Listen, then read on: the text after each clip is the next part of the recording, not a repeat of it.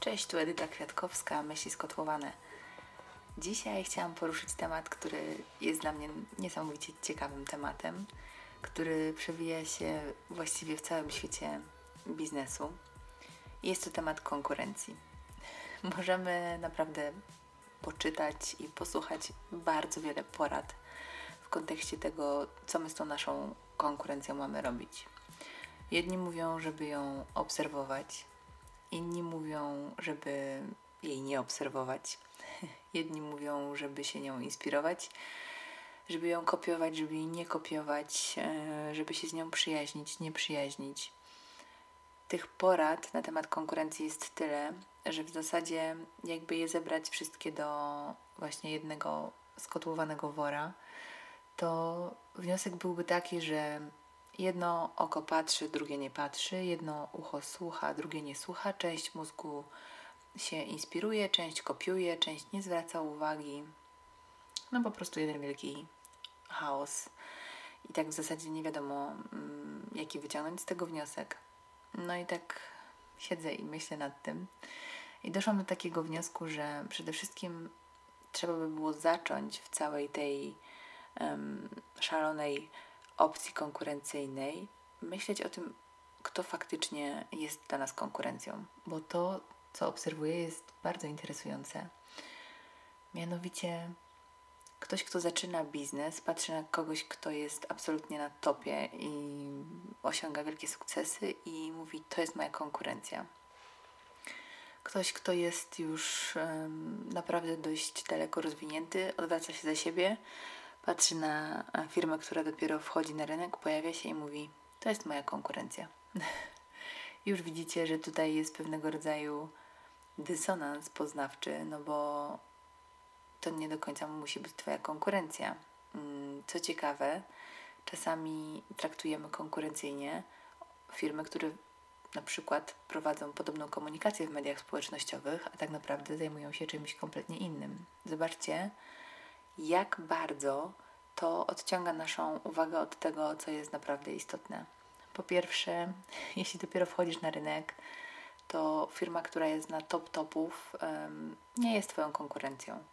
Jasne, że pozytywne myślenie wspiera działanie, ale pozostańmy w obszarze myślenia racjonalnego. No i ci, którzy są już na topie, no to na razie Twoją konkurencją nie są. I uwierz mi, że oni też nie będą się e, odwracać na ciebie, dopóki nie zaczniesz mieć jakichś tam osiągnięć. Myślę, że to, co jest najistotniejsze, to patrząc na swoją konkurencję, po pierwsze zrozumieć fakt, że jest na świecie 7,5 miliarda ludzi, a w Polsce 37 czy 38 milionów i na pewno wystarczy Ci mm, klientów i Tobie, i Twoim konkurencyjnym firmom. Jeżeli po prostu będzie popyt na to, co Ty oferujesz, jeżeli to będzie fajny towar, jeżeli to będzie dobry produkt, jeżeli to będzie wartościowa, jakościowa usługa, to po prostu znajdą się na to klienci.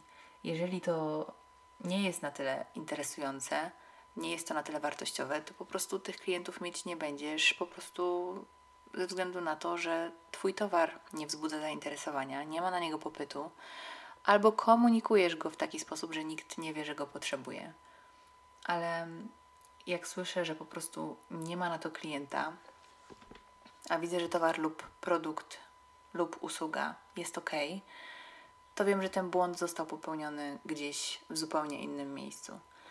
I najczęściej to nie chodzi o to, że Twoja konkurencja zabiera Ci klientów, bo popatrzcie na ulice, na których, no nie wiem, w Katowicach, których się wychowałam, to jest na przykład ulica Mariacka. To jest ulica, na której są knajpy i puby.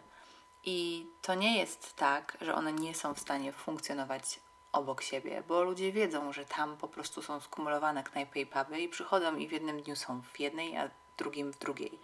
Jasne, że jeżeli w którejś doświadczą czegoś, co im nie sprzyja, co im się nie podoba, to już tam nie wrócą. To jest jakby podstawowa e, zasada. Natomiast zobaczcie, że one są w stanie funkcjonować obok siebie i nie muszą stosować pomiędzy sobą jakichś technik, żeby wzajemnie sobie odbierać klientów, bo równolegle wszystkie mogą funkcjonować dobrze.